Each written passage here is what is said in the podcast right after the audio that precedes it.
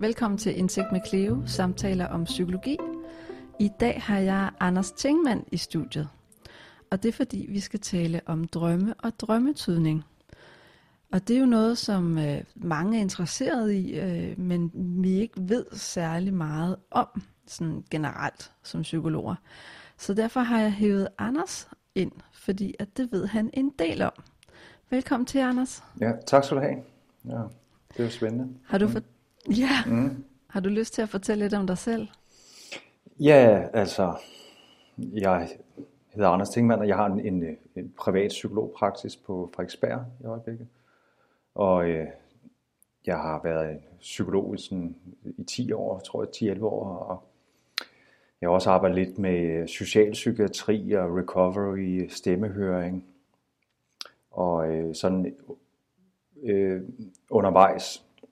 Jeg har sådan set arbejdet øh, med, med psykoterapi.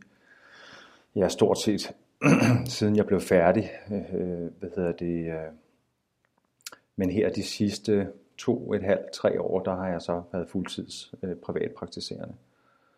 Og øh, det her med, med, med drømmene, det kom meget af, at, øh, at min oprindelige inspiration til at blive psykolog, øh, psykolog egentlig var, at jeg mødte Ole Vedfeldt, og der havde øh, Ole lige udgivet en, en, øh, en af hans bøger, der hed Ubevidst Intelligens. Han udgav sådan en, en bog, der hed Drømmens Dimensioner, hvor, øh, som blev oversat til mange forskellige lande, og hvor han kan man sige, blev etableret som en af de, de sådan mest markante figurer øh, inden for det område der. Og Ole, han er, han er jungiansk analytiker, og der som, som ganske ung, jeg tror jeg har været 19-20 år, der, der, der mødte jeg, eller der var jeg til et foredrag med ham oppe i Hillerød. Og, øh, og blev så meget fascineret af det, og han blev på en måde sådan lidt mit, mit forbillede på, hvordan man kunne være psykolog både som mand, men også den måde, han ligesom gik til det. Ja, fordi hvad vil det sige at være jungiansk analytiker? Det er ikke alle, der ved det.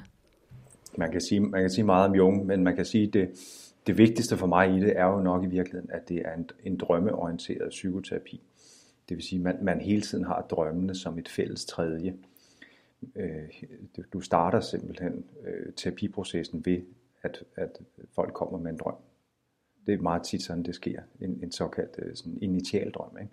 En, en, en initial drøm er en drøm, der initierer øh, terapiprocessen.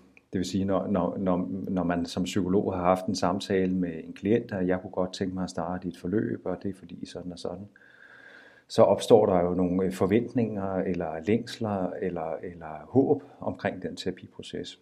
Og måske også en ambivalens, eller øh, noget, som man, det er lidt udfordrende. Så meget tit så har folk øh, sådan en drøm, der handler om, at de skal hen og møde en mærkelig mand, eller de skal gå ud i havet og komme ud på det dybe og, og, og vil skynde sig ind på land igen, eller de skal ud på en rejse, de ikke ved, hvor ender, eller... Øh, men det kan, det, kan vi have, det kan vi tage øh, lidt senere. Jeg har nogle eksempler på sådan nogle initialdrømme. Ja. Men det er meget, kan man sige... Øh, altså, jeg tænker det jo også meget sådan, at, at at det her med drømmene kan man i virkeligheden bruge som et, øh, en metode i alle mulige forskellige former for terapi. Ikke? Ligesom, ligesom man kan bruge meditative teknikker, altså der behøves man jo ikke at være mindfulness-baseret kognitiv terapeut eller et eller andet. Altså det der med at bruge krop, åndedræt og opmærksomhed og komme ned i en anden tilstand og kunne rumme følelser og være med tankerne og alt det der, det kan man jo gøre i alle mulige sammenhænge. Ikke? Og lige sådan med drømmene kan man sige, det er jo også et, et almen fænomen, som man kan bruge. Og det behøves ikke at være sådan, at man tolker det på en eller anden øh, jungiansk måde. Man kan lige så godt også bare bruge drømmene som sådan et reservoir af, af metaforer og billeder, der afspejler klientens, hvor klienten er i sin proces. Ikke? Det er der jo rigtig mange af os psykologer, der arbejder med, med, med, med, med metaforer på forskellige måder. Vi, vi ved jo, at, at altså, at man kan jo tale om tingene på mange måder, ikke? Altså, og, og tit, hvis man får fat i nogle gode billeder, eller nogle gode metaforer, så kommer der et eller andet sanselig dimension, eller der kommer, det, det bliver lidt mere lejende, det bliver mere, lidt mere fantasifuldt, det bliver lidt mere kreativt. Øh, får fat i nogle gode billeder. Ja, man rammer ned i følelserne og i sårbarhederne. Netop. Så der kan man sige, der er, der er drømmene jo folk kommer jo selv med tit med nogle spændende og rammende metaforer på deres situation, øh, bare man taler med dem, men, men drømmene er også sådan en, der kan man også øse massevis af billeder, der, der meget tit indkapsler øh, klientens øh, tilstand i, i nødskald nærmest. Ikke? Mm. Det er jo også en metafor. Så øh, hvordan fortolker du drømmenes betydning, eller hvad skal man sige, øh, hvilken funktion har drømmen for mennesket? ja, altså det vigtigste, som, som jeg bruger det til, vil jeg sige, det er hele tiden at få det der et andet input på, hvor klienten er. Altså jeg, op, jeg opfatter det egentlig meget som, vi siger jo øh, altid, at hvis man skal hjælpe folk, så skal man jo huske at møde folk, hvor de er. Øh, og, og problemet er nogle gange, hvis man, øh, hvis man bare spørger folk om, hvor er du i dit liv, og hvad er din situation, og sådan, så, får, så, får man, så får man et, så får man en fortælling. Men, men drømmene oplever og giver egentlig et, et mere objektivt og mere sådan rent billede på, hvor folk egentlig er, hvad der egentlig rumsterer, hvad der egentlig ligger hvad det egentlig er for nogle skeletter, der ligger og rasler. Fordi at, at, at folk er jo også, øh, det er jo også det der med at komme ind i, i psykologens rum, og så har man jo forskellige forventninger eller forskellige idéer om, hvad siger man, når man går til psykolog. Øh, skal jeg fortælle om min barndom? Skal jeg fortælle om, øh, altså, øh, eller, eller, eller hvad siger man, når man er psykolog? Så kan folk godt, godt blive lidt selektive i forhold til, øh, hvad de øh, fortæller, hvad, fordi de har en implicit forståelse af, hvad der er relevant og hvad der ikke er relevant, når man er til psykolog. Ikke? Ja, og en hyperbevidsthed om, hvilken fortælling det vil give til det her menneske, de ikke har mødt før. Netop. Og det er faktisk mange af dem, der kommer til mig for at arbejde med drømmene. Det, der er faktisk mange, der har gået i andre øh, terapi- og psykologforløb, hvor de siger, at, øh, at øh, de er kommet et stykke, men de, så er de også kommet der hvor de synes, at, at, at de til sidst bare sidder og, og fortæller den samme plade, eller hælder vand ud af ørerne, eller bliver trætte af at høre på deres egen øh, lidelseshistorie, eller, eller hvad det kan være. Ikke? Og, og, og der kan det være en befrielse, at drømmene kommer ind med noget fuldstændig overraskende materiale, som ligesom går uden om deres eget, øh, hvad hedder det, deres egen sensor, eller deres egen øh, deres egen habituelle måde at fortælle deres egen historie på. Ikke? Og der kan drømme, for eksempel en meget sjov træk med drømmene, det er det der med, at der tit kommer øh, personer op fra folks fortid, som, som de ellers aldrig nogensinde ville have nævnt. Øh, altså for eksempel, for eksempel øh, en kvinde, der, der lige pludselig drømmer om, om den veninde, hun havde, da hun første gang begyndte at, at gå i byen som 15-årig, og hvordan de ligesom havde et eller andet øh, Dupont og Dupont øh, forhold der, og hvordan de udforskede det der med at, at flytte og, og alt det der, ikke? og hvordan, mm. hvordan nogle særlige sider af hendes personlighed kom frem der. Ikke? Så kan sådan en, en figur kan pludselig komme op, når den kvinde, hun så sidder som 45 år, og hun er skilt, og hun skal lige pludselig, hun skal lige pludselig ud og møde, måske møde en mand, eller, eller være ude og være lidt fløten og sådan noget, så lige pludselig så kommer de der, kommer den der veninde, som første gang øh, var med til ligesom at, at vække de der ting i hende for, mm. for 25 år siden. Hun kommer lige pludselig frem. Og, og, ja. og, og med, Kald for med, ungdommen. Ja, ja, så, jamen det er jo det, så har man jo brug, det er jo meget naturligt, kan man sige, ikke? så har man måske været gift i så så mange år, og så lige pludselig så er man der, der og skal, skal ud på det der datingmarked igen, og så, så har man på en eller anden måde brug for at gå tilbage til en tidligere version af en selv, eller til, til noget fra ens ungdom, og som man skal revitalisere. Ikke? Og så kommer lige pludselig den der veninde, som man så var i byen med, da man var ung, hun dukker pludselig op i drømmen, og alle mulige følelser og fornemmelser tilstanden, som er forbundet med det der, med at skulle ud og være synlig for andres blikke og flytte og alt muligt, det, det kommer lige pludselig op gennem det billede. Ikke? Mm. Øhm, så jeg tror også det der med drømmetydning, øh, der er nok mange, der har sådan en idé om, at, øh, at så fortæller klienten en, en drøm, og så sidder psykologen og kloger sig på, hvad det betyder. Ikke? Det er nok sådan den, den stereotype. jeg tror, det er billedet af det, ja. Det er et billede, øh, ikke? Den traditionelle jungianske måde at gå til drømmen er nok sådan lidt intellektualistisk, kan man sige. Ikke? Altså, det er ikke sådan et klassisk billede af Jung, der sidder og ryger pibe, og så sidder han og, og siger nogle kloge ting om drømmen og sådan noget. Ikke? Men, men, men senere er der, er der kommet mere fokus på at gå ind i drømmen på en mere oplevelsesorienteret måde. Altså at, man, at, at der kommer et billede op i drømmen, og så tager man det med ind i sin meditationspraksis, eller man udforsker, øh, hvordan føles, hvad vækker det her billede af forskellige tilstande i kroppen. Øh, hvad for nogle følelser, hvad for nogle øh, fornemmelser, øh, alt det her. Ikke? Så, så det i stedet for, at man sidder og kloger sig på drømmen, så kan man sige, så mærker man sig ind i drømmens univers. Ja, så i stedet for, at der er, en, der er ikke en ekspert øh, patient rollefordeling, den er mere lige, så det kommer an på, hvad, hvad klienten selv oplever eller tolker det som. Selvfølgelig har man, når man, når man har hørt rigtig, rigtig mange drømme, jo klart, så har man jo en eller anden form for mønstergenkendelse, ikke? Ligesom en filmanmelder, mm. der har set 10.000 film, han kan også ligesom ja. se, se når det er det her plot, vi er inde i. Ikke? Mm. Øhm, så selvfølgelig har man noget at byde ind med, men, men, men det er noget, jeg altid siger til mine klienter, det er, når det her det er jo noget, vi skal øve os på. Mm. At øh, det er jo sådan en pingpong. Det vil sige, du fortæller drømmen, øh, jeg lægger mærke til, hvad for, øh, hvad for nogle følelser, hvad for nogle tilstande øh, kommer du ind i, mens du fortæller drøm? Altså, hvad sker der med din udstråling? Hvad sker der med, med, med fornemmelsen i rummet, når du for eksempel fortæller om et eller andet?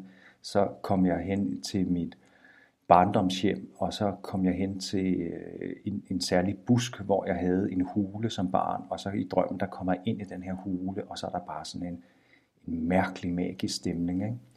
Hvis, mm. hvis nu klienten fortalte det, så okay, fedt nok, så prøv, prøv at blive der. Hvad er det? Prøv, vi at, prøv at mærke, at du er inde i den der, den der din barndoms hule, og du kommer ind, og der er sådan en mærkelig stemning, og du har en fornemmelse af, at der er sket et eller andet særligt. Hvad, hvad, er det for en, hvad er det for en stemning? Hvad er det for en atmosfære? Hvad er det for en energi, der er inde i det rum? Hvad gør det ved dig, det rum? Ikke? Eller jeg møder, jeg drømmer, jeg, jeg går ind øh, i en eller anden have, og så er der en vred mand, der, der skiller mig ud og siger, jeg har ikke nogen ret til at være der. Og så samtidig med, at man, at man snakker om det, så krymper man sig måske lidt og sådan, i sådan en skamreaktion. Så kan mm. man sige, så kan man undersøge det. Nå, okay, prøv at forestille dig, du, du, du møder ham her manden, altså kan du sige noget om, hvad, hvad, er, hans, hvad, er, hvad, hvad er hans udstråling? Hvad er mandens udstråling? Hvad, hvad, hvad, hvad gør, hvordan, hvordan er det at være dig over for den her mand? Jamen, jeg føler mig meget lille. Jeg føler mig, at jeg har gjort noget forkert. Jeg føler, at, ikke? Nå, okay.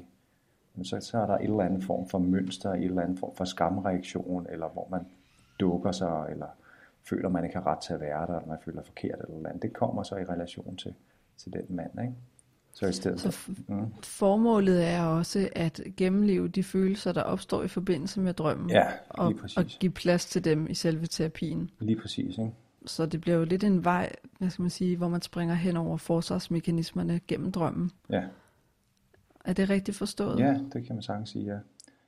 Og, og, og, og grunden til, at man gør sådan, det er netop fordi, altså der er også en, der hedder James Hillman, som er en lidt, lidt mere moderne jungianer, en af Jungs efterfølgere, som har det her mantra, han altid siger, uh, stick with the image, altså, altså bliv, bliv med billedet, bliv med billedet i stedet for at begynde at sidde og kloge dig på, hvad det betyder og alt muligt, så prøv at blive ved billedet.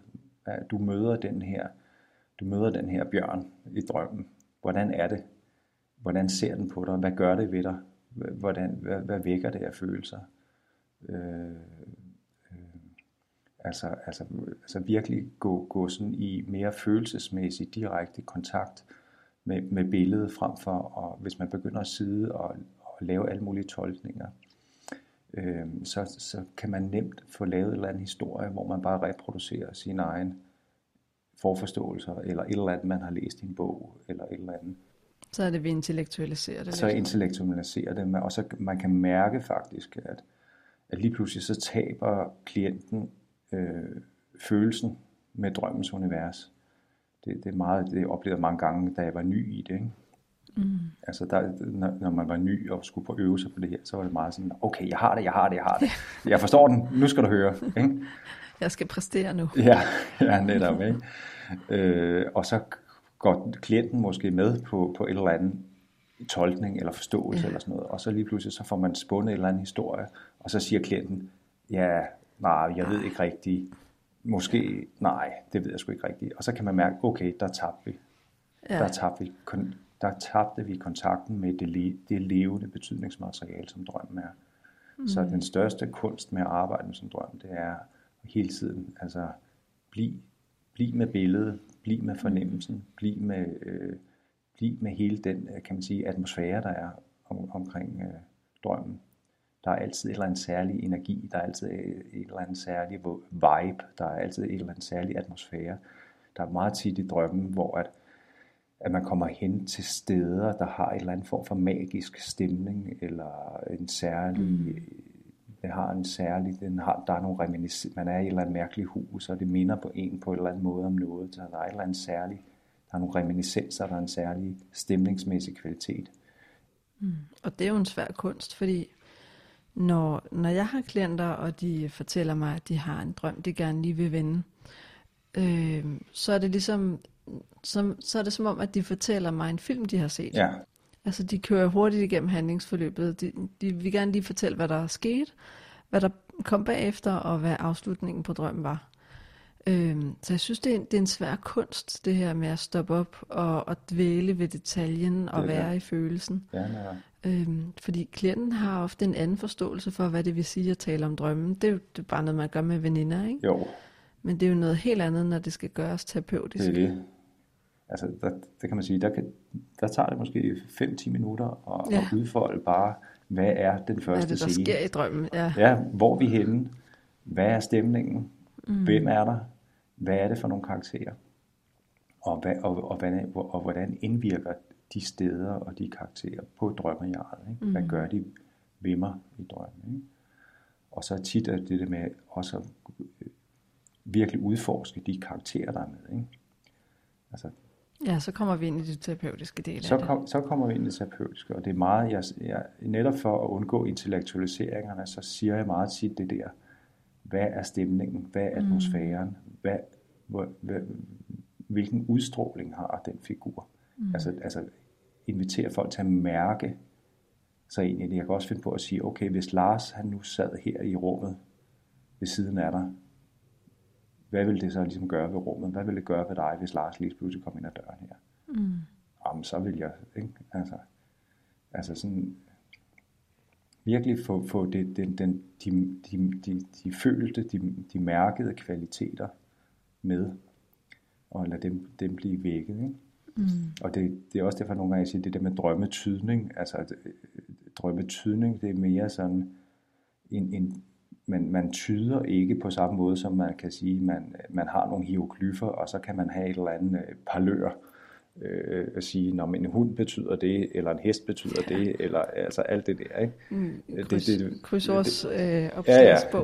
Det er det. Det, forbind, det kan jeg også se, der er, på Facebook er der sådan nogle grupper med drømmetydning. Mm. Der, der er faktisk utrolig mange medlemmer, der er flere tusind medlemmer de der, og så, så, så, okay. så skriver folk ind, Nå, øh, hvad er det nu, det betyder, når man drømmer om, øh, om at man taber tænderne, eller hvad, mm. hvad er det nu, det betyder, om at man, man drømmer om en hest, ikke? Og så siger folk, at det betyder jo det, og det, det står i den bog. Ikke? Og, og det kan jo godt give noget, altså at man, at man bare får nogen, der skyder lidt i øst og vest omkring, hvad de lige forbinder med det. Og lige pludselig er der noget, der rammer rigtigt, og så kan folk komme videre med det. På den måde kan det godt fungere. Ikke? Ja, det er jo lidt ligesom et horoskop, at, at selvom det måske ikke rammer plet, så, så finder man selv en mening frem med det. Ja, ja, så kan man ligesom uh, spejle sig ind i det, men, men når man arbejder lidt mere grundigt med det, kan man sige, i terapi, så kan man sige, så er det netop at undgå den der, de der vilkårlige tolkninger, ikke? Mm. at man virkelig uh, uh, går ind og mærker og får noget kontekst på. Ikke? Og så er det jo mm. også det der med, jeg siger også tit til folk, Jamen, det her med at, at folde sådan en drøm ud, det er sådan en, det er sådan en, ping, det er sådan en pingpong leg, ikke? Det, er en, mm. det er en jam session, eller det er en pingpong, ikke? Altså, du fortæller, jeg giver dig noget feedback på, hvad, hvad, hvad, der, hvad jeg ligesom ser, der kommer, der kommer frem, når du fortæller den her drøm, eller jeg giver noget input på, hvad, øh, hvad vi kunne gå ind i, eller, og så, så, eller hvad noget kunne betyde, og så mærker du efter, ramte det rigtigt, eller, eller gjorde det ikke. Jeg siger tit til folk, sådan, du skal hele tiden have din indre stemmegaffel parat, så du skal, du skal lytte, om siger det klokke, eller siger det klinge. Mm. Ikke? Og, og, hvis det, og, og hvis det ikke siger klinge og rammer rigtigt, så siger du bare, nej. Mm, den er lidt ved siden af. Det er ikke, ikke helt sådan. Ikke helt mm. sådan. Okay, fint, så smider vi den hypotese væk. Ikke? Det er vigtigt også at holde rummet sådan, så, så klienten ikke skal sidde mm. og, og plise psykologen og sige et eller andet. Ja, Jamen, så, er det nok, så er det nok rigtigt, hvis psykologen siger det. Ikke? Ja, fordi så har vi jo netop patientekspertrollerne.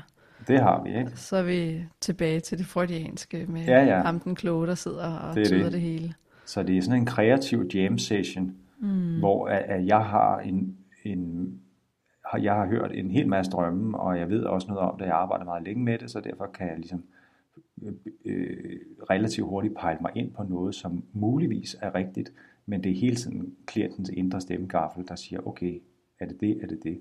Fordi man kan også se, lige så snart man rammer noget, der er helt rigtigt, så lige pludselig, så kommer der en følelse. Mm. Altså man kan se, altså hvis, hvis, hvis det rammer lidt forkert, så sidder klienten og ser upåvirket ud. Ja, det kan da godt være, siger klienten så. Ikke? Men hvis man rammer helt rigtigt, så siger lige pludselig, vut, og så vælger der et eller andet op fra brystet, og det kommer op i øjnene, mm. og så bliver øjnene våde, eller, eller de rykker rundt i stolen og siger, ja, nu kan jeg godt mærke, nu bliver jeg vred. Eller, ja. altså, så, så hvis man rammer rigtigt, så er det ligesom om, der er et eller andet følelse, eller et eller andet tilstand, eller et eller andet delpersonlighed, som lige pludselig føler sig set. Mm, og, får plads. og, så, og så får den noget plads, og så kommer den mere ind i virkeligheden. Ikke? Mm. Og det er rigtig meget det, vi synes set også gør, det er, at i drømmene, der er hele tiden sådan nogle, nogle nye sider af ens personlighed, nogle nye livsmuligheder, som hele tiden står øh, og venter på at, at få lov til at komme lidt mere ind i virkeligheden. Mm, så det er en og integration af det ubevidste, kan man sige. Det kan, det, det kan man sige. Sådan forstår Jung det også, at, mm. at man, opretter, man opretter en dialog med det ubevidste, og, og det, eller, eller med sjælen kunne man også bare sige, og at sjælen eller det ubevidste er en pulje af livsmuligheder, øh, som hele tiden er der af, af, af urealiseret potentiale, kan man sige. Ikke? Fordi at man, man, man bliver jo kun mødt på nogle bestemte ting. Mm. Så, så det er jo også det, der ligger i Jungs begreb om personaen. Ikke? Mm. At, at man har en, en tilpasset interface med ens sociale omgivelser eller, eller med virkeligheden, som, som, som viser en, en, en, en delmængde mm. af det, man er. Men det er altid kun en delmængde. Der er altid noget ekstra, som ikke får plads som man ikke blev mødt på som barn, som ens mand ikke kan rumme, som, ens, som, ikke er, som der ikke er plads til på ens arbejdsplads, som, som samfundet synes er forkert. Alt muligt. Ikke? Så der er hele tiden noget, noget ekstra, ja, hele tiden en side af ens væsen, som, som længes efter at komme lidt mere til syne, men som aldrig rigtig er blevet mødt. Og det kan man simpelthen se, at de ligger simpelthen i drømmen, og nærmest venter på at komme til. Ja, altså jeg tolker det lidt som, som nogle, nogle gamle følelser, som ikke er blevet erfaret endnu, ikke er blevet bevidstgjorte, men som stadigvæk trænger sig på og ja. kan give konflikter, og man sidder fast i mønstre, eller man føler sig ikke rigtig lykkelig, men man ved ikke rigtig hvorfor. Ja. At man simpelthen går tilbage, og så erfarer de følelser igen, så man kan agere på nye måder. Ja. Lidt ligesom i emotionsfokuseret terapi. Mm-hmm. Mm. Ja.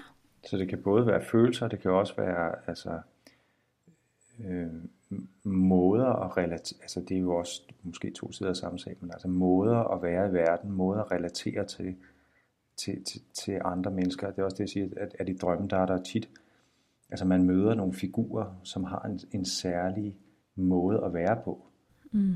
som på en eller anden måde inspirerer en. Ikke? Det vil sige, der, der, der dukker måske en eller anden kollega op i drømmen, og så siger man, hvorfor, hvorfor, hvorfor drømmer man nu om hende?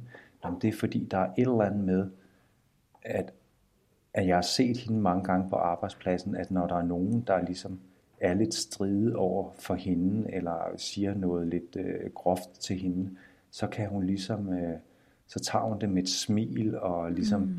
føler sig ikke ramt, men, men ligesom bare øh, markerer en grænse på en ikke aggressiv måde. Det har jeg tit sådan skulet lidt til, hvordan er det, hun gør det, fordi hver gang at der er nogen, der siger sådan noget til mig, så føler jeg mig mega ramt og går i forsvar og, og får en kæmpe konflikt.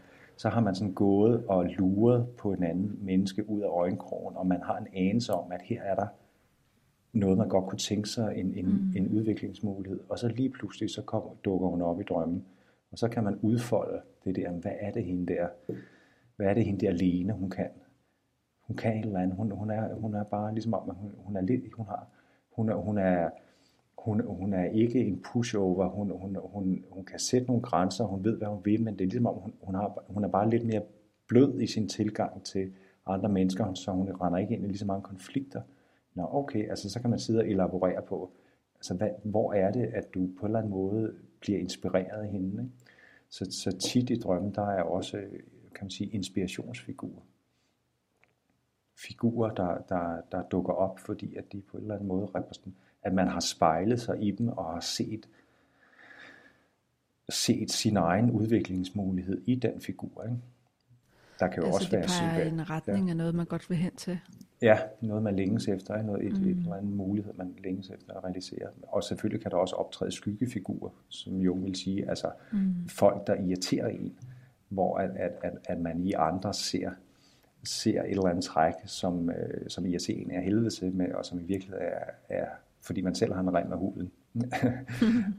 Altså, så, øh, så der er et eller andet problematik der, man, man ikke rigtig har fået kigget på, ikke? eller man øh, ignorerer lidt hos sig selv, man bliver mm. vældig irriteret mere hos den anden. Så sådan nogle figurer kan der også være, hvor, hvor man mm. kan få øje på nogle problemer. Men, men faktisk, hvis man ikke, altså, hvis man ikke ved super meget om, om, om drømmen, eller bare tager det ind bare en gang imellem, så kan man sige, det kan jo være en god måde at gå til drømmen, det er at sige, vi behøver ikke et eller andet forkromet fortolkning, vi behøver ikke at forstå det hele. Lad os bare se, er der noget i den her drøm, hvor at, øh, at vi kan trække noget inspiration. Ja. Altså er der, er der nogle figurer her, som, som har et eller andet?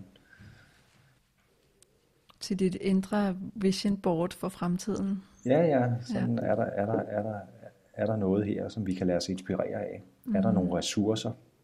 Er der nogle, nogle, nogle, nogle, øh, nogle gode tilstande, eller nogle, nogle figurer, som har et eller andet fed power, som vi kan, som vi kan connecte os lidt med? Mm. Det er jo også sådan lidt før, ja.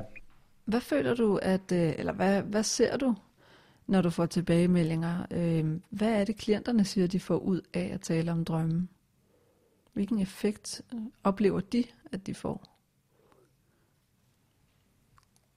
Men, men det er jo, at, at tit at, at det på en eller anden måde er en mere dybdegående og kreativ proces, og på en mm. måde, at vi kommer, kommer hurtigere ind til det væsentlige. Ikke?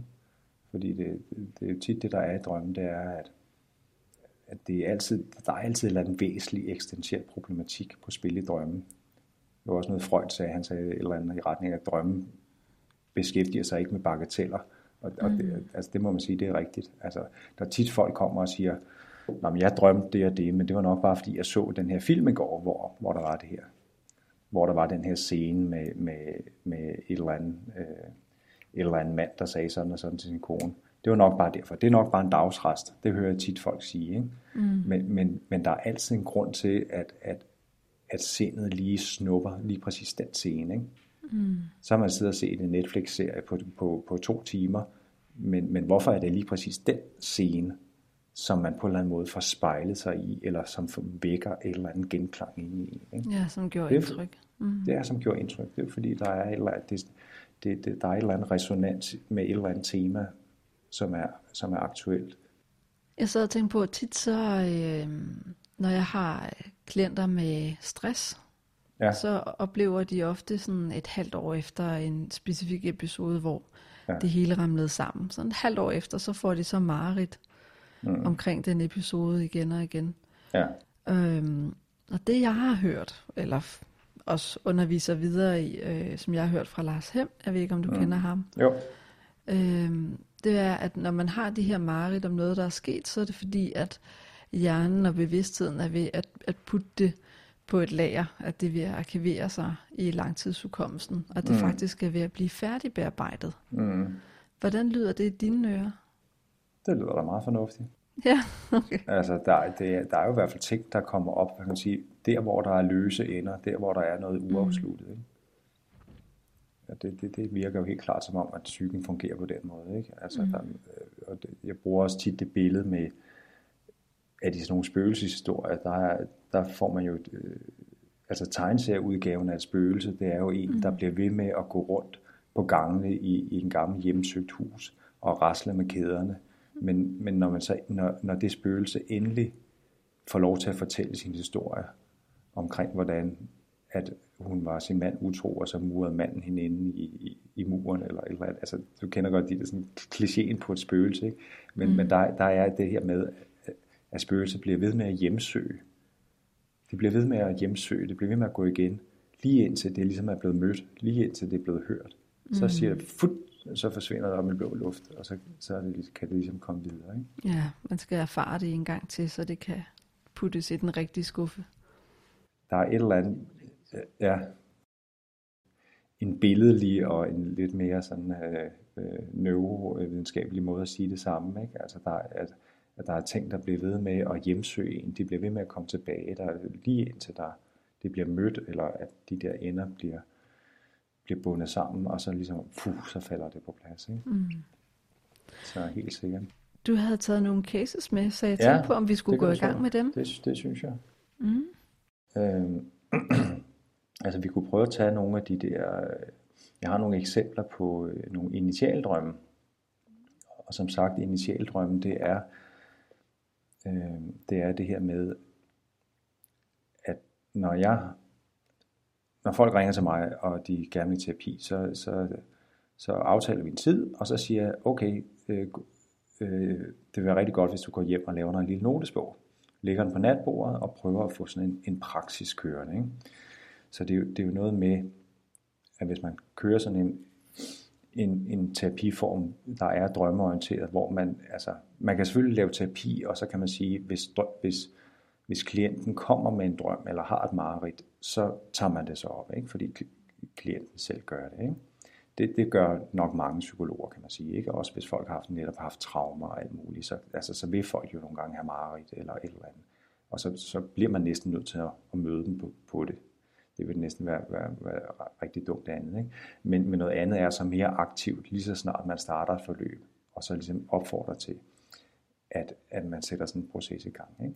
Og at man gør det lidt systematisk. Ligesom man kan sige, hvis man laver mindfulness-baseret terapi, så siger man, nu, så skal, på en eller anden måde skal du sætte et system, at du får mediteret lidt hver dag, eller får gjort sådan og sådan.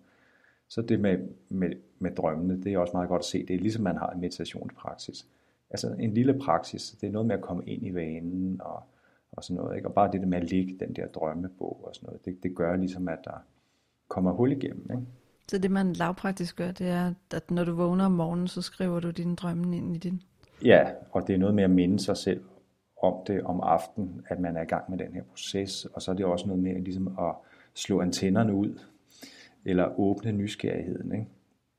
Og, og der skal klienten selvfølgelig have en eller anden grundlæggende indstilling til, at, at, at drømmene giver mening, eller stole så meget på psykologen og sige, at det her er en meningsfuld praksis.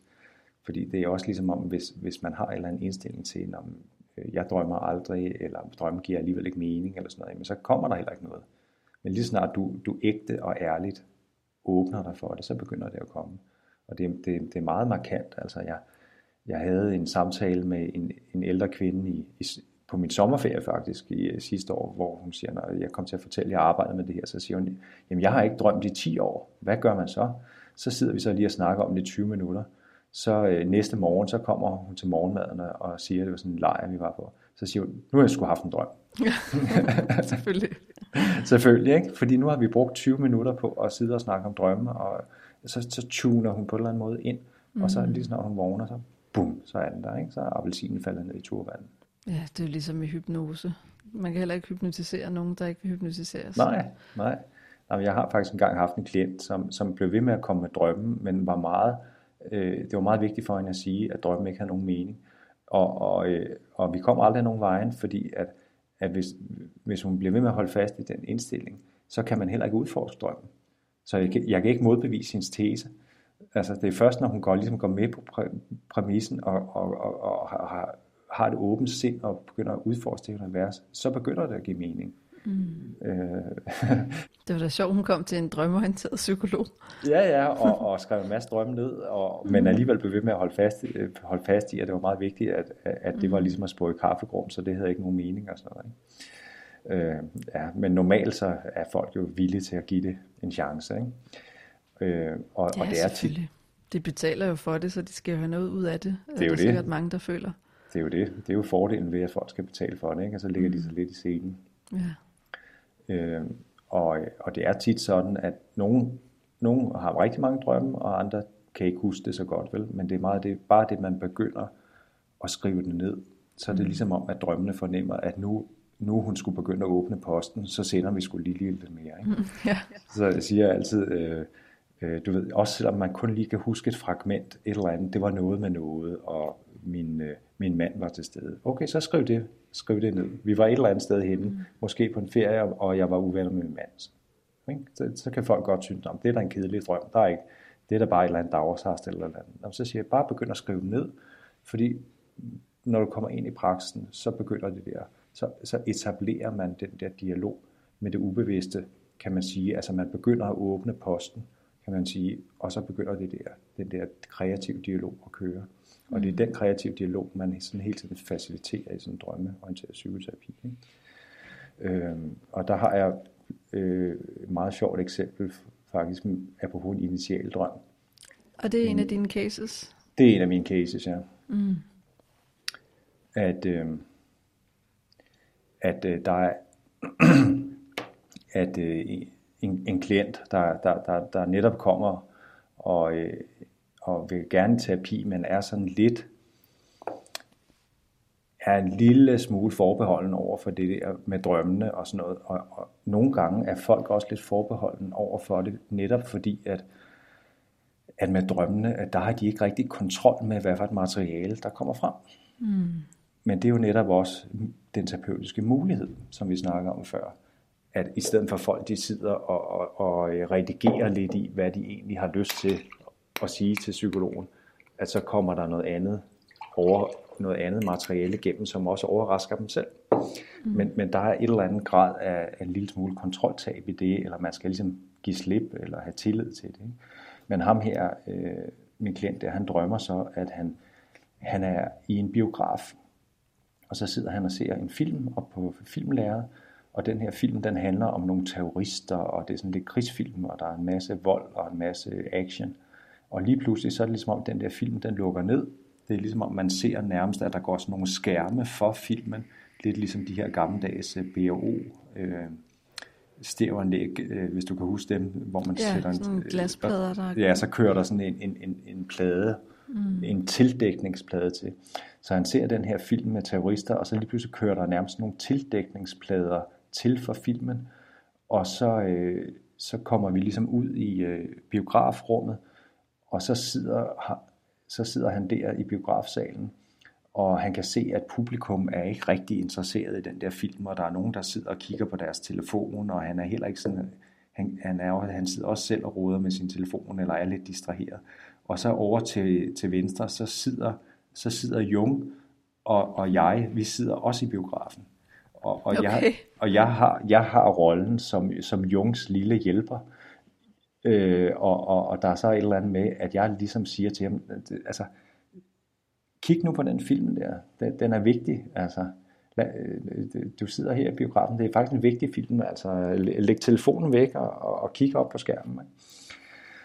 Øhm, og det er sådan en meget sjov, øh, sjov billede af, altså man kan sige, netop at etablere den der, at, at åbne sig for noget, noget, noget, noget materiale, der kommer et andet sted fra, mm. øh, som måske indeholder noget. Her var det noget, der var sådan lidt med, med nogen, der var i krig eller terrorisme eller sådan noget, altså noget, måske noget undertrykt vrede eller eller andet.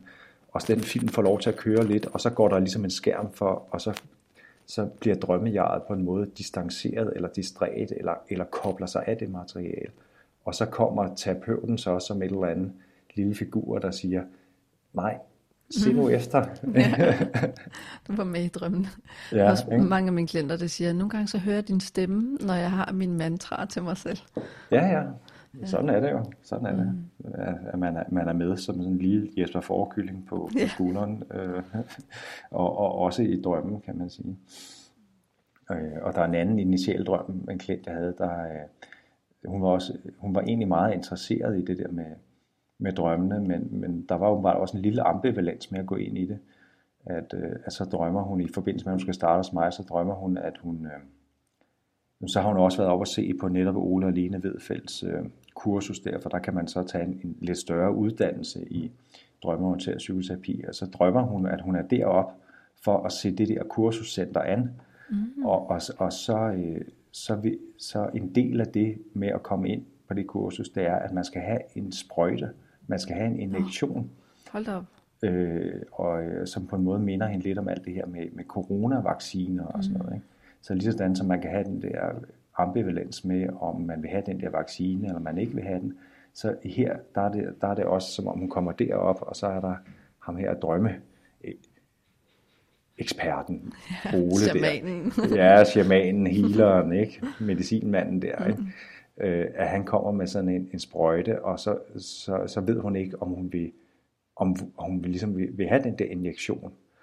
Og så først så er det som om, uha, nej, det er nok noget gift, eller det er nok noget, der vil forurene mig.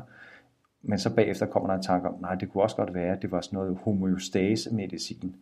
Mm. Altså, altså, altså et eller andet medicin, der bringer mig i, i balance, eller sindslig vægt, eller et eller andet. Ikke? Yeah. Så, så, så der har drømme jeg sådan en ambivalens i forhold til, øh, nu går jeg ind i det her nye område med det der med drømmen, og hvor meget skal jeg ind, lade mig influere af det der, ikke? Mm. Eller, eller, eller, eller ej, ikke? Skal jeg, skal jeg ligesom lade, lade det komme ind i mit system, eller skal jeg ikke lade det komme ind i mit system, ikke? Ja, jeg får sådan et billede af, at hun nærmest står foran øh, Morpheus i uh, The Matrix, med de der to piller, og meget ambivalent, om hun skal tage den ene eller ja, den anden. Ja, netop. Men så opdager jeg, at, at det måske i virkeligheden mere handler om en, en vel afbalanceret øh, proces, hun er på vej ind i. Ja. Hverken det ene eller det andet. Og det, det er i hvert fald super sjovt med initialdrømmen, det er, at man får sådan en metakommentar på, mm. øh, hvad, hvad er øh, klientens... Øh, både længsler, men også ambivalens med at gå ind i den her mm. proces. Ikke? Fordi tit er der jo begge dele, ikke? at man har yeah. nogle, nogle håb for et eller andet, det vil gøre for en, men man har også, man synes det er lidt et kontroltab, eller man føler sig lidt pinlig, eller man føler sig lidt blottet, eller et eller andet, der kan være sådan ambivalent at gå ind i det. Ikke? Mm. Der, der er også en, en anden, jeg også kunne nævne, en, øh, en mand, som, øh, som vælger at gå i terapi, øh, øh, og han synes ikke rigtigt, at han er der i sit liv, hvor han godt kunne tænke sig at være, og, og han synes lidt, han har spillet måske lidt falit øh, i forhold til, hvor han, øh, i forhold til forskellige ting, og han, og han drikker også lidt mere, end han egentlig vil være videre og sådan noget. Men så vælger han så, at nu bliver jeg nødt til at gøre noget ved det, nu bliver jeg nødt til at gå i terapi. Men så den første drøm, han kommer med, der sidder han, så sidder han i et rum, og der er sådan et, et langt bord, og han sidder på, på langsiden af bordet, og for hver ende, hver bordende af det her lange bord, der sidder der sådan nogle forretningsmænd, sådan nogle lidt alfahander, som, som, øh, og, og han har fornemmelsen af, at, at han, han har ikke nogen penge, og, og han er helt på røven, og de her to, de er millionærer, og de har bare styr på det hele, og de har masser af penge, og de øh, er ovenpå, og han ligesom er, er, Beta-han. Ja, ja, han er beta-handen, ikke? Mm. Og, og, og, og, og øh, så, så beder han om, om, om de ikke vil give ham nogle penge, men han føler sig også lidt ydmyget ved at skulle bede om noget, ikke? At han er i sådan en position, hvor han skal bede om noget, han skal bede om hjælp. Og så øh, lige pludselig opdager han også, at han ikke har noget tøj på. Den er også klassisk, ikke? Okay. Og, så han er og så tager han, så, hvad siger du? Så han, så han er, er meget blottet. blottet. Ja, han, han, ikke? Det er både pinligt at skulle bede om hjælp og indrømme, at man er i en, i en lidt svag position, eller underskudsposition, og så det, føler han, og så også det der med at føle sig blottet, og så tager han sådan en pude for at dække sig med, men så, så bliver han også skamfuld, fordi at, at, at så bliver han opmærksom på, at han har taget puden hen på hans beskidte underbukser, øh, og, og måske har gjort puden beskidt, og det er sådan lidt, lidt lidt beskidt eller lidt ulækkert, og så bliver mm. han skamfuld. Ikke? Så der kommer en hel masse omkring at føle sig uværdig og føle sig øh, underlegen og føle sig mindreværdig og føle sig skamfuld og føle sig afklædt og sådan noget. Ikke? Alle de der svære følelser, som der så var for ham ved at gå ind i den proces. Øh, men, men så i stedet for, at han får penge af de her to millionærer eller alfahander, så sker der det, at der kommer en kvinde ind og visker den ene alfahan i øret, og det viser sig så, at den her kvinde faktisk øh, i øret, at han har fået en, en, en kraftdiagnose, og at han skal dø. Og så ham her øh, drømmejaret der, han godter sig faktisk lidt over, sådan at nu skal ham der, Karl Smart, han skal ligesom dø. Øh, fordi så er vi mm. det mindste lidt mere lige, eller så er han da ikke så overlegen eller sådan noget. Men, men så sker der det, så drømmer jeg, han håber så stadigvæk, Nå, så kan det være, at jeg kan få hans penge, hvis han alligevel skal dø. Men så viser det sig så, at, at ham, Karl Smart, øh, alfahanden der, og, og kvinden, de, aftag, de, de snakker så om, hvad skal der ske med hans millioner, efter han er død. Og, og, der, og, og det, han vælger, vælger så at testamentere pengene til, øh, til et hjem for forsømte børn, og at de her forsømte børn, de skal have sådan en slags øh, terapihave nærmest, eller et eller andet have, okay. hvor de kan tage hen. Og der ser han så et billede af en have, hvor der er noget ukrudt, der er noget ukrudt udenom, men så er der et mm. hvidt, så er der en lille firkant inde i midten af haven med et hvidt stakit, og, og inden for det der, øh, den der firkant med det hvide stakit, der er ligesom det der, at alle de gode planter skal vokse. Og uden om det der hvide stakit, der ligger der en kæmpe stor guldslange, og snor sig rundt om, øh, om, om det hvide stakit. Og det er ligesom om, at den her guldslange, den er ligesom, den vogter ligesom den her lille hellige have, eller den her lille beskyttede have, som der er der. Ikke? Øhm, så, så der er det der, der kan man sige, i første del af drømmen, der er der alle de svære følelser, der er for ham mm. ved at starte i sådan en proces med at føle sig ydmyget og føle sig afklædt og skamfuld. Og så i anden del af drømmen, der er ligesom et eller andet billede på terapiens mulighed. Mm. Altså at der er nogle forsømte børn, som ikke rigtig har fået mødt deres behov, som nu endelig øh, får det, der vil gøre dem godt. Mm. Og samtidig så er der det her billede af det her, det her beskyttede rum med, med det hvide stakit og, og, og den gyldne slange, der ligger udenom. Og i det jeg får ham til at tegne det her billede og kigge på det, så kommer han i, til, så kommer han i kontakt med sådan en, en, en tilstand af indre ro. Ja. Og det viser sig så faktisk, at jamen det, så siger han, det er faktisk derfor, det er jo derfor, at jeg drikker en gang imellem. Det er jo fordi, jeg har sådan en, jeg, jeg kommer ind i sådan en tilstand af uro og angst, og jeg kan ikke finde den der indre ro. Øh, og så bliver jeg nødt til at, ligesom at hælde alkohol på, og så kommer roen ligesom. Ikke? Men, men, men her der viser terapiens mulighed så ligesom med, at der er den her have, og der er en masse kaos og ukrudt udenom, men så er der ligesom et beskyttet område, der bliver vogtet af en, af en hellig slange, og slangen repræsenterer, apropos arketyper, så er det jo virkelig billedet på, på den magiske medicin, eller mm. på det hellige farmakon, det er jo derfor, vi har det på apotekerne. Ikke? Ja. Øh, så den her, den, det er sådan en, en, nærmest en hellig terapihave der, ikke? eller sådan et, et sanctuary, eller sådan et, et, et, et, et roligt sted. Så, så der kommer sådan et billede af, at, at på et eller, andet, et eller andet sted inde i ham, der er der, der, er der den der ro. Ja, han kan vise kan sig selv vejen gennem terapien. Han behøver ja. ikke at, at medicinere sig med alkohol. Nej, det, det, det, det, det, det er i hvert fald håbet og længslen mm. og den mulighed, der, der viser sig. Øhm, inden vi går videre til dagens øvelse, øhm, har du så en, et godt eksempel på en case fra klienter, som, som lider af depression? Ja, altså det er i hvert fald, det, det, øh, jeg har i hvert fald et par, par, par drømmeeksempler, som viser lidt, øh, også lidt apropos, altså hvad, hvad er det drømmene kan i forhold til, at man kan sige, man kan jo, man kan jo godt stille en depressionsdiagnose ud fra forskellige kriterier, ikke? Men, men at, at, øh, at, at drømmene også kan give nogle billeder på sådan øh, lidt mere specifikt, hvad det er, der ligesom er, der, der vedligeholder den her lidt depressive tilstand. Øh, men, men jeg kan prøve at give dig de eksempler, øh, jeg, jeg havde på det. Mm. At, øh, at jeg at en, en, en ung kvinde, som, som ligesom øh, er i et psykiatrisk forløb, og hun føler, at hun sidder lidt fast, fast i livet, og det er derfor, hun starter terapi, og hun kommer ikke rigtig nogen steder hun, hun drømmer, at hun er tilbage i middelalderen, og at hun sidder oppe i tårn, at hun ligesom er, er ligesom den her jomfru, der sidder oppe og visner væk, oppe i, i sin isolation oppe i tårnet, og ikke kan komme, komme ned til virkeligheden. Og så i drømmen, der kommer der en mand ind i tårnet, og han siger til hende, du bliver nødt til at komme ned, fordi at, øh, at din veninde er, øh, er ved at blive hængt.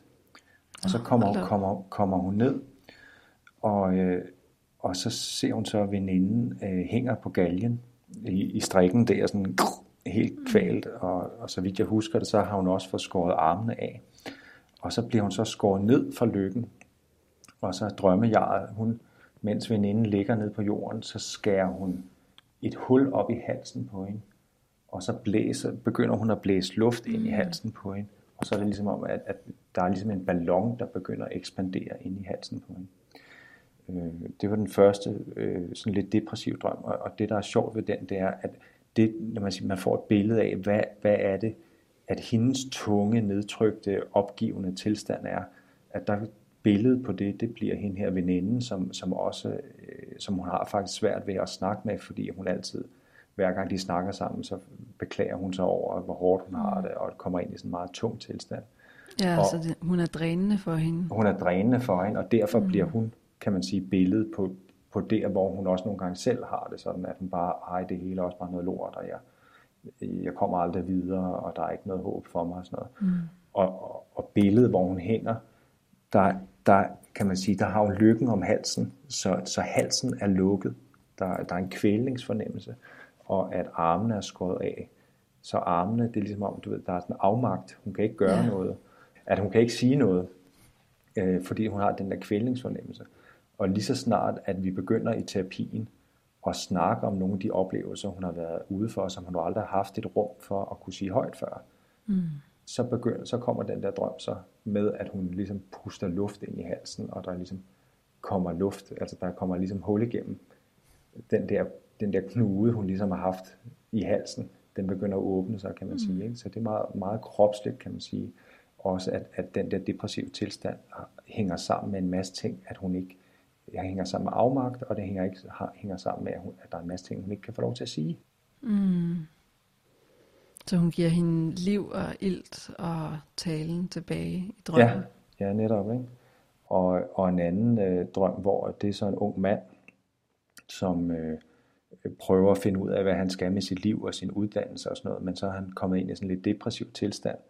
Og så drømmer han om hans gamle øh, legekammerat, han havde da, da han var barn. Og ham her legekammeraten, han var vist et par år yngre, og, og han var sådan lidt barnlig, ham her legekammeraten, men de havde det altid skide sjovt. Men på et eller andet tidspunkt der, hvor han skulle øh, i gymnasiet og skulle begynde at finde ud af, hvad han ville, og sådan noget, så havde han sådan en idé om, nu måtte han holde op med at lege med ham her, legekammeraten, fordi nu skulle han ligesom være lidt mere voksen, eller lidt mere seriøs, eller få øh, øh, så han kunne ligesom altså, være voksen og sådan noget. Ikke? Så var han holdt op med at ses med ham her, øh, den gamle legekammerat. Og han drømmer så, at den gamle legekammerat, at, at han er til begravelsen. Den, han, drømmejaret står til en begravelse, og den gamle legekammerat og den, og den gamle legekammerats far er blevet begravet, begge to ved siden af hinanden. Og, og det er alt sammen meget sørgeligt, og der er sådan en mærkelig anelse i drømmen om, det, at det er underligt, at faren og sønnens gravsten, de ligner hinanden. Og, og, og, og det kommer der så en samtale ud omkring netop det der med, altså hvordan at ham her, min klient, er blevet påvirket af farens idéer om, hvordan man skal være, når man er voksen, og når man er seriøs, og, og sådan noget, og hvordan det ligesom har gjort, at han er kommet ud af kontakt med en mere sådan umiddelbar livsglæde, og sådan nogle ting.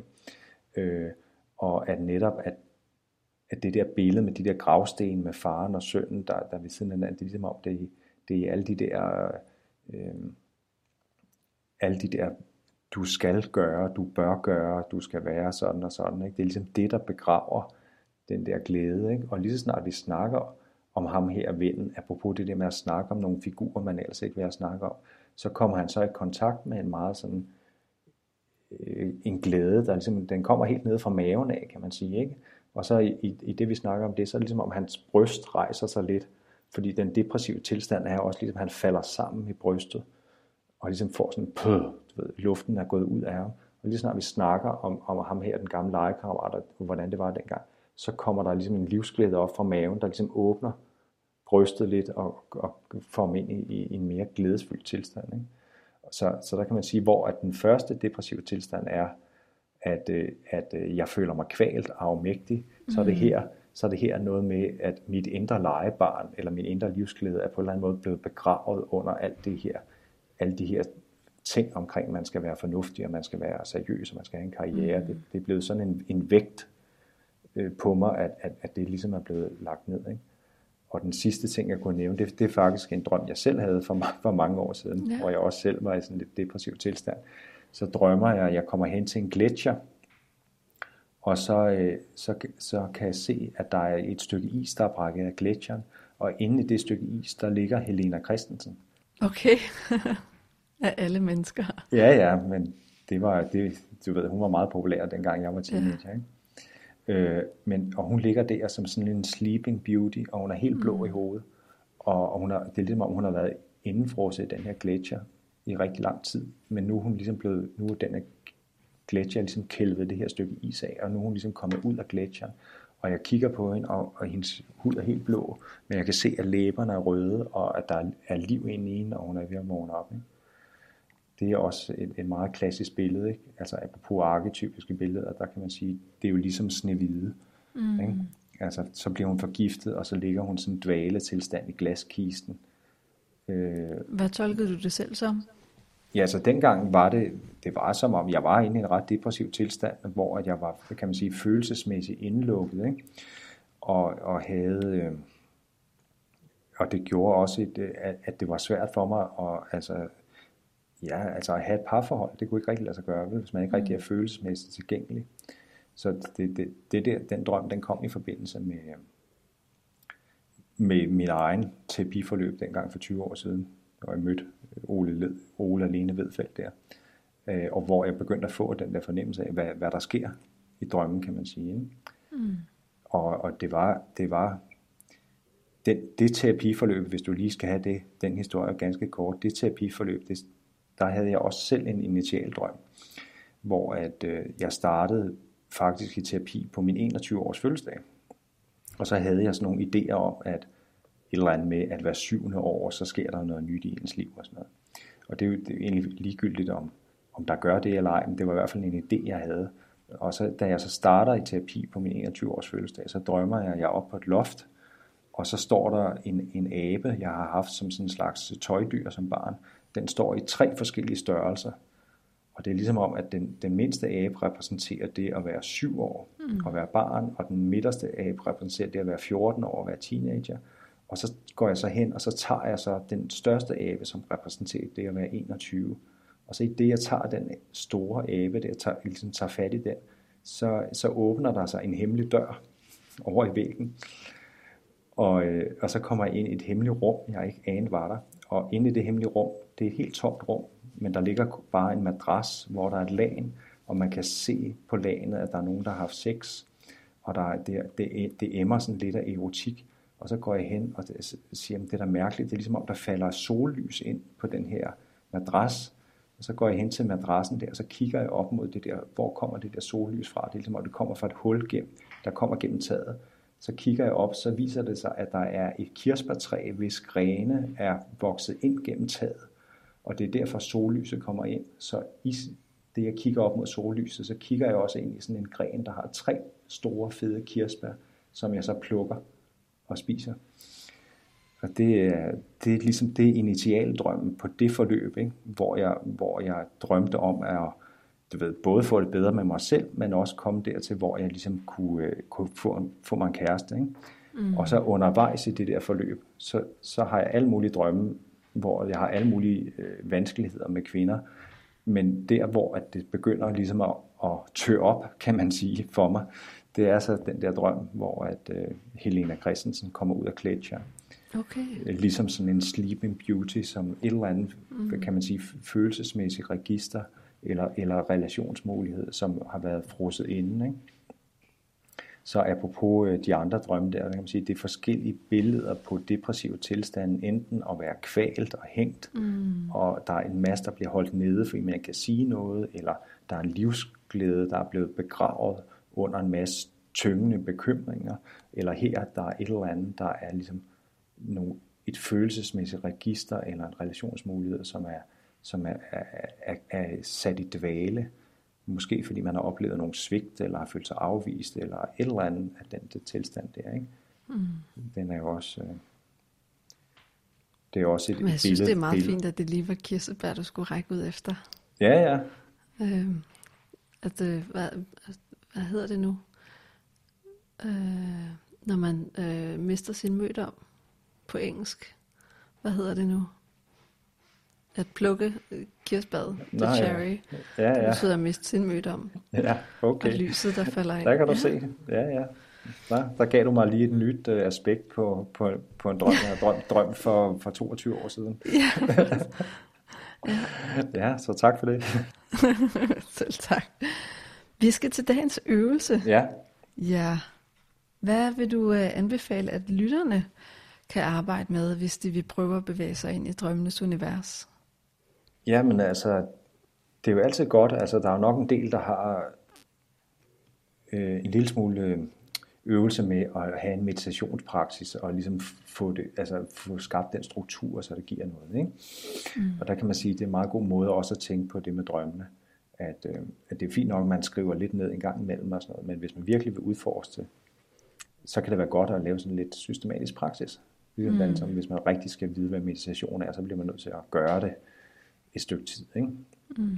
Så det der med at, at, at, at prøve at skrive det lidt systematisk ned, og prøve at, at og det er også meget med, at man vender sig til, altså først man åbner interessen, og så at man vender sig til at lægge mærke til, når jeg vågner om morgenen, hvornår springer min to-do-liste i gang. Mm, Fordi hvor lang tid går der? Ja, for lige så snart den der to-do-liste begynder at køre, så forsvinder mm. drømmen. Ja. Så det er noget med, at man etablerer lige det der mellemrum, at man lige har to mm. minutter, øh, hvor man lige siger, okay, hvor var jeg henne i nat? Mm. Øh, det, det, at kunne huske drømmene har rigtig meget med det at gøre, så det kan man øve sig på. Ikke? Det kan selvfølgelig være svært, hvis man er stresset, eller hvis man har børn og sådan noget, så bliver man lynhurtigt revet ud i dagens gøremål. Men, men det er meget med, at man inden at de der tanker om alt det, man skal nå, starter, så skal man lige blive ja. den der lidt meditative tilstand, hvor man lige kan fange det. Ikke?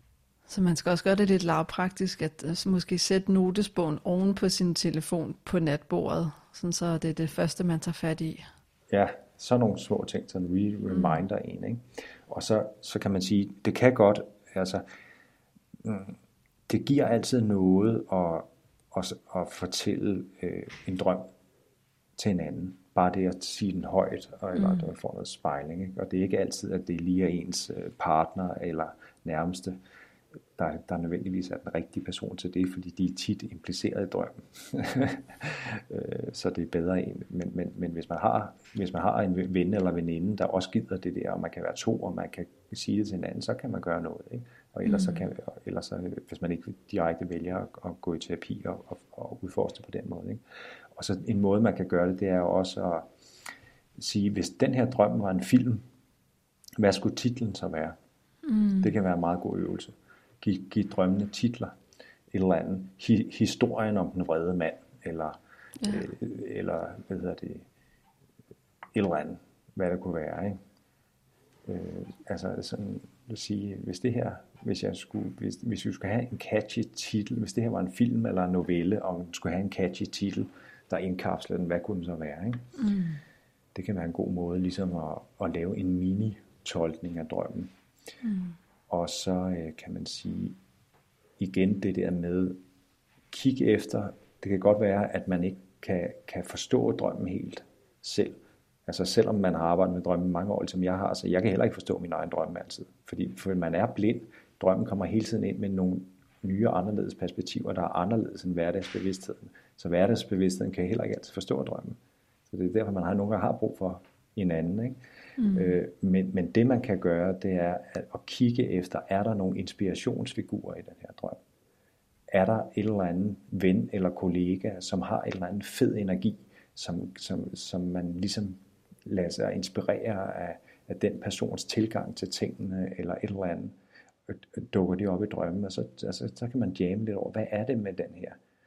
Hvad, hvad, hvad er det ved Cleo, der, der, der ligesom, der er, der er et eller andet, hun har sådan et engagement, eller hun har sådan en gnist, og det må være derfor, jeg drømmer om, men det er fordi, der, hun vækker det der i mig med et eller andet, eller hvem det nu er, man drømmer om. Ikke? Øhm, man behøves ikke en fix og færdig fortolkning, man kan også mm. bare øh, øh, ligesom sige, hold da kæft, det var godt nok en, øh, det var godt nok en fantastisk øh, væsen, jeg mødte der. Ikke? Den, her, mm. den, den her mærkelige kvinde, øh, jeg mødte, som, øh, øh, som stod ude ved havet, og, og hendes, øh, hendes hår var fuld af, af muslingeskaller. Det har jeg haft en. Ikke? Sådan en, en havkvinde, jeg mødte. Ikke? Kan, kan jeg tegne hende? Kan jeg, kan jeg et eller andet? Ikke? Jeg behøver ikke at forstå, lave en tolkning. Jeg, jeg, jeg, mm. jeg, jeg tegner hende bare, eller altså man kan lave en tegning, eller man kan gøre noget andet, der minder en om, om det billede, eller indfanger lidt den energi, eller, eller den at stemning, der er omkring det billede. Og så kan man tage det billede, og så hvis man samtidig har en meditationspraksis, så kan man mm. prøve at meditere på det billede. Ja, okay. Så, så gå i gang med en meditationspraksis. Ja. Ja. Lave drømmedagbog. Ja. Og tegne figurer. Ja, tegne gerne. Figurer. Ja og eventuelt meditere på dem, så vi ligesom kanaliserer eller får kontakt ja, lige til præcis, det. Ikke? Altså, der er jo, findes jo en alverdens meditationer, man kan høre på YouTube, hvor man skal visualisere bestemte mm. billeder. Men i stedet for at tage nogle færdiglavede billeder, som nogle andre har lavet, så bruge de billeder, der kommer indenfra. Mm. Og sige, jamen, det er jo allerede en åbning eller en særlig energi, som, altså, eller noget, som gerne vil, vil ind i virke, en særlig kvalitet i mig, som gerne vil mere fra. Så mm. hvis jeg mediterer på det billede, så connecter jeg mig lidt jeg lytter til, hvad personen eller væsenet siger til en. Ja, hvad, hvad, hvad inspirerer det, hvad vækker det i mig af tilstanden, når jeg, når jeg, når jeg ser det her billede fra mig. Mm. Og det kan både være en figur, men det kan også være et særligt sted eller et eller andet. Hvis man gerne vil vide mere om drømme og arbejde med drømme, har du så nogle anbefalinger, du gerne vil give videre til lytterne? Ja, altså det, det, det mest oplagte på dansk er nok øh, Ole Vedfelds bøger. Ja. Øh, Øh, og der er drømmenes dimensioner, som er, hvis man er sådan lidt mere teoretisk interesseret, altså alle de forskellige drømmeskoler, oversigt over det og sådan noget, og hvad er mm. lucid drømme, og hvad er drømmeforskning og sådan noget. Men der er også nogle, nogle, øh, nogle lidt mere let tilgængelige bøger, som hedder, øh, hvad er det, den hedder, Din guide til drømmenes verden, tror jeg, den hedder. Okay. Øh, og der er også nogle, en, der hedder... Øh, det kvindelige manden, som faktisk handler om sådan noget med, med køn og altså mænds drømme om kvinder og om hvordan det ligesom den, den, øh, den synes jeg også er rigtig spændende og der er også andre jungianer, som så har skrevet det ud fra et mere kvindeligt perspektiv. Altså hvad for mm. hvad, hvordan optræder ma- maskuline figurer i kvinders drømme og, og hvordan spejler det ligesom deres udvikling på forskellige måder. Fedt. Og så det aller sidste, det er dagens nærende aktivitet. Så når du har en dårlig dag, eller føler dig halvdepressiv og trist, hvordan nærer du dig selv, Anders? Hugger branden. Du hugger branden, okay. Nej, altså jeg, normalt kunne jeg godt lide om vinteren, øh, altså, altså svømme, bade, mm. sauna, alt muligt, men det er jo, det er jo skide besværligt i øjeblikket. Så i øjeblikket, så jeg har en familie, der bor ude på landet, så tager jeg ud og laver noget fysisk aktivitet på den måde. Ja, så du aktiverer så, dig selv, skruer op ja, for energien. Og ellers apropos podcast, det er skide godt at bruge lange gåture i en skov og kombinere det med podcast. Ikke? Ja. Det synes jeg fungerer skide godt. Så kan det man faktisk, gør jeg også. Ja, det kan vi godt blive enige om. Ikke? Ja. Det vil sige, man kan, man kan faktisk gå 5, 10, 15 km. Altså man kan få gået sådan en rigtig lang tur, fordi man er, man er, mm. man er også inspireret undervejs. Så det, det synes jeg Ja, man vil gerne høre den færdig, inden man, man kommer hjem, så lige pludselig har man gået i over en time. Det er det. Det synes jeg virker skide godt for mig, i stedet for når jeg står nede i fitnesscenteret, så, så bliver super over, at, at det er kedeligt, og mm. det er ikke uh, inspirerende, det er bare noget, der skal overstås. Men, men, men så kan man i stedet for gå 12 km i mm. skoven, mm. mens man hører et eller andet podcast og fedt, så fik jeg også tid til det. Og sådan noget. Det er et super godt forslag. Ja, det synes jeg. Tak fordi du kom, Anders. Det var øh, super, super spændende at høre om dit arbejde med drømme og drømmeorienteret terapi. Jeg håber, at lytterne derude er blevet nysgerrige og måske har fået vagt noget bevidsthed. Måske endda vil de få en meget levende drøm i nat, når, når de nu har lyttet til det her afsnit. Det er meget muligt. Tak fordi du kom, Anders. Ja, selv tak. Det var dejligt. Det er godt. Hej. Hej.